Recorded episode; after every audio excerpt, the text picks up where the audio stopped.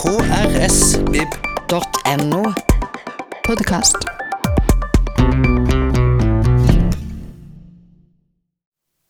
Hei og velkommen tilbake til boka mi. I dag har vi fått besøk fra de mørke, dystre dalstråka innafor Kristiansand. Det er helt fra Vennesla at Karoline Gabrielsen har kommet for å besøke oss. Velkommen. Tusen takk.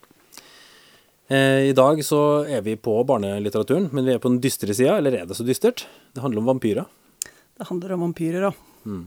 Det er kanskje ikke så dystert når det er en barnebok, men eh, barnebøker om vampyrer kan fort bli dystrere enn barnebøker uten vampyrer. Definitivt. Hva, hvilken bok er det? Det er eh, en klassiker som heter så mye som Den vesle vampyren, av Angela Sommer Bodenburg. Tysk forfatter. Eh, fant ut uh, nylig at boka har 40-årsjubileum akkurat i år. Det var jo litt vittig. Mm. Det passa bra at den kom inn akkurat nå. Da. Ja, det så bra at vi skulle snakke om dette akkurat i år. Ja, når du spurte meg første gangen om uh, hvilken bok som betydde mye for meg, så trodde jeg først at svaret var soleklart Harry Potter, men så innså jeg at jeg hadde kanskje ikke lest Harry Potter hvis ikke jeg hadde lest Den vesle vampyren først. Så om ikke det var den som eh, jeg knakk lesekoden med, så er det definitivt den boka som har prega egentlig lesinga mi siden. Når var det du, når var du lest den, da? Jeg kan vel ha vært et sted mellom åtte-ti år, tror jeg. Når jeg oppdaga den første gang på skolebiblioteket på skolen min, da. Så eh, var det et eller annet med vampyrer og eh, det å være redd for noe og skumle ting og sånn. Jeg kan faktisk dra det så langt at den boka der den kurerte frykten min for mørket, i tillegg til å vekke leselysten. Jeg var ikke mørkeredd etter jeg hadde lest den boka. Såpass? det er ikke tull engang.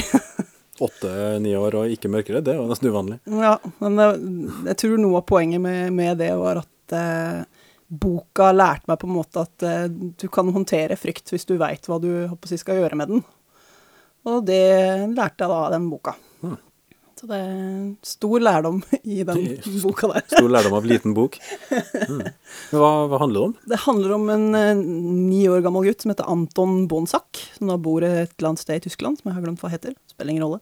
Eh, han er veldig glad i vampyrer, og eh, skrekkfilmer og krim og bøker og sånt noe. Eh, har King Kong-plakat på soverommet og vampyrbøker om Dracula i bokhylla osv. Og, så og så er han en kveld aleine hjemme, foreldrene har dratt på kino. Og, eh, og så plutselig så dukker det opp en mørk skikkelse i vinduet hans på soverommet. Og det er faktisk en ordentlig vampyr. Og denne vampyren er omtrent på eh, Antons egen alder, altså han er en barnevampyr. Og så, eh, til litt uoverensstemmelse, så blir de faktisk venner. De blir faktisk bestevenner. Um, og så dreier den første boka seg om, for det her er den første i en serie. Um, den første boka handler mest om at eh, eh, han skal prøve å fortelle foreldrene at han har en bestevenn, men han kan jo ikke fortelle foreldrene at bestevennen hans er en vampyr.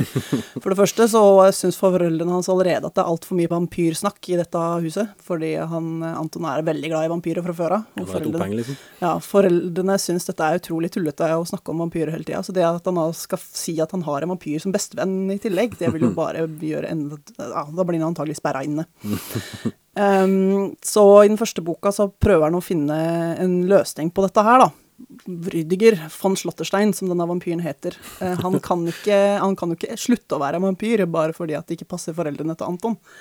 Så uh, i første boka så, så klarer da Anton å ansette en fyr han går på skole sammen med, til å liksom spille Rydiger, som da liksom skal være normal. uh, for å liksom fortsette dette vennskapet, men at foreldrene ikke skal bli bekymra. For det er jo litt sånn sært å ha en bestevenn som bare kommer etter eh, sola har gått ned og sånn.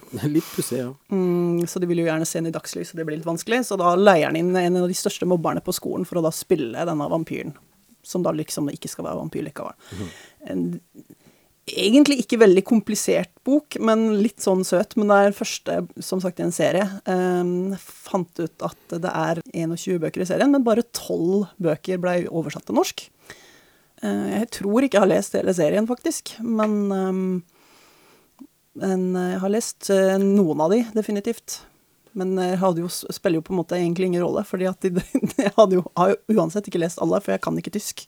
Nei, ikke sant. Eller i hvert fall ikke godt nok til å kunne lese de bøkene. Jeg var i hvert fall ikke god nok i tysk når jeg var åtte-ni år. Mm. Men ja, artig serie. Mm. Men eh, altså, en gutt som blir venn med en vampyr, Mm. eh, mennesker og vampyrer eh, den, Nå har jeg Jeg skal ikke si at han er ekspert på vampyrfilmer eller vampyrhistorier generelt, men eh, det pleier jo å være litt, eh, være litt ugreit for mennesker når det kommer vampyrer. Det, altså, det er jo matfatet det er snakk om. Altså, hvordan, hvordan håndteres det i denne historien? Um, nei, det er det som er litt fascinerende, da. Um, akkurat uh, Rydiger pleier å ehm, komme på besøk etter at han har spist. Så han er mett når han kommer på besøk. Det er veldig planlagt. Eh, men på et eller annet tidspunkt så blir da Anton invitert hjem til krypten, for de eh, bor på en eh, kirkegård. Slåtterstein-familien har eh, familiegravsted, eh, og da er da bare hele familien til Rydiger. Eh, onkel, tante, eh, bestemødre, bestemor, bestefar, mor, far og to søsken. En storebror og en lillesøster. Eh, Det morsomme er da at du er tydeligvis ikke født med vampyrtenner når du blir Altså hvis du er barn og blir bitt, så lillesøstera drikker melk og ikke blod. For hun har ikke fått uh, hoggtenna sine ennå. Så hun er da foreløpig helt uh, ufarlig i den første boka. Men uh, Rydiger har ei tante som er da veldig blodtørstig, og hun, uh, hun er et stort problem. Så når de da skal besøke denne familien, så uh, blir det veldig mye gjemming, at de må gjemme Anton i en av kistene og sånt for å kamuflere lukta av at han egentlig er menneske, og så videre, og så videre. For Dorothea, tante Dorothea har en luktesans av en annen verden. Og hun er alltid sulten. Uansett Veldig mye hun blodtørstig. Ja. Bokstavelig talt.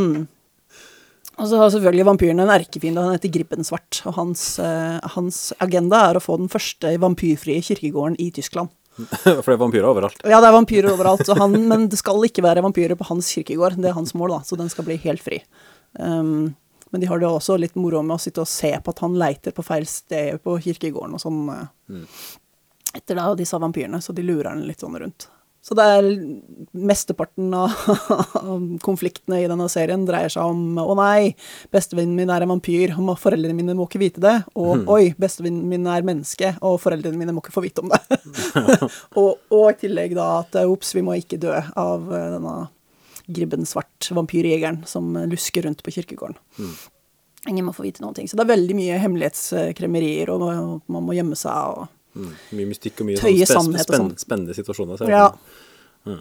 Men er det en spenningsbok? Er det en eh, komisk bok? Hvordan er det, pla- plasserer den seg rent og pent i en sjanger, eller? Jeg vil si at det er mye humor, men samtidig så er den veldig spennende. Det er definitivt veldig merkelig å lese den igjen som, som voksen leser. Ja, For du har ikke lest de her siden du leste Nei, i, i ikke, gamle dager? nei, jeg har ikke lest de siden, siden jeg oppdaga de. Og, øhm, men jeg leste den første nå for liksom få, få det friskt i minnet. Og også fordi at um, den har kanskje mista litt eh, aktualitet i Norge inntil ganske nylig. For det kom en film nå i høst i Norge. Um, som da heter 'Den vesle vampyren', som er da basert på denne serien. Det er en animasjonsfilm? Ja, av dataanimert film. Veldig fornøyelig, faktisk. Men eh, veldig mye mer som skjer i den filmen enn antagelig det som skjer i hele serien totalt. Tror jeg, hvis jeg har lest eh, Hvis jeg har forstått kritikere riktig. Jeg så jo den eh, traileren til den nye filmen, jeg har ikke sett selve filmen, men det, det, det slår meg litt at det ligner litt på Kaptein Sabeltann-animasjonsfilmen og Knutsen og Ludvigsen-animasjonsfilmen, egentlig. Absolutt, litt sånn i den ja. datastilen. Absolutt. Det var vanvittig mye humor, i hvert fall. Det var definitivt ikke spesielt skummelt. Ungene lo veldig mye, Eh, og jeg kan skjønne det. Det var blant annet en ku som blei ble vampyr underveis. Er det en spoiler? Men okay. det var veldig mye gøyalt med denne kua, i hvert fall. Som eh, jeg er ganske sikker på ikke skjer i bokserien. Så den var eh, definitivt mer i humorsjangeren enn i den skumle sjangeren.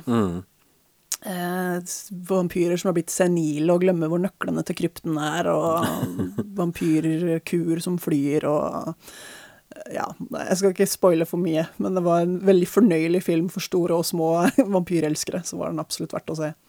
Mm. Så er den jo blitt filmatisert flere ganger også. Det kom en amerikansk versjon i 2000, som da heter The Little Vampire. Der har de gjort seg veldig mye friheter der også. Og så fant jeg ut at det ble lagd eh, en kanadisk-tysk TV-serie i 1986. Um, men det som er enda mer morsomt, er at eh, selv om den kanskje ikke er så kjent i Norge lenger, så er den definitivt fortsatt kjent spesielt i Tyskland, selvfølgelig, siden forfatteren er tysk. Men eh, akkurat nå i Salzburg så er det et te teaterstykke som er satt opp. Og i februar i år så ble det også satt opp et, et teaterstykke i Finland, fant jeg ut.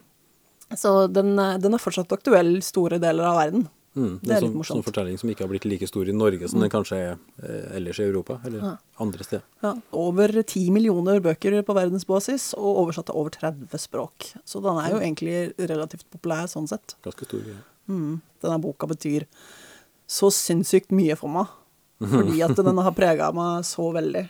Den, er, den har all skyld for alle vampyrbøker jeg har lest siden, og jeg har lest ganske mange. Så, så Var, var det rett og slett din introduksjon til vampyrer som konsept? Altså, Ja, absolutt. Eh, og jeg var livredd for alt som var skummelt og ekkelt og rart uh, som hadde med mørket og uovernaturlig å gjøre, men den boka der, den endra alt. Så istedenfor å være redd for det, så ble jeg helt opphengt i det. Hm. Så etterpå det så leste jeg jo nesten ingenting annet. og det har fortsatt. så jeg leser fortsatt masse gørr og gruff og gørr, og det starta med den vesle vampyren. Så det er en kur mot uh, å være mørkeredd, men det, det har en stygg konsekvens. Livet blei aldri det samme igjen.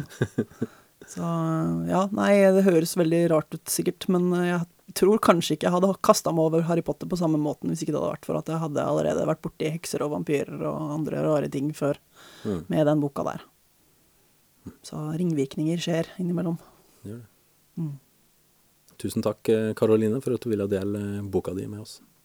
Vær så god, tusen takk for at jeg fikk komme. Flere podkaster fra oss finner du på Google Podkast, Apple Podkast eller iTunes, eller ved å stikke innom vår hjemmeside på krsbib.no.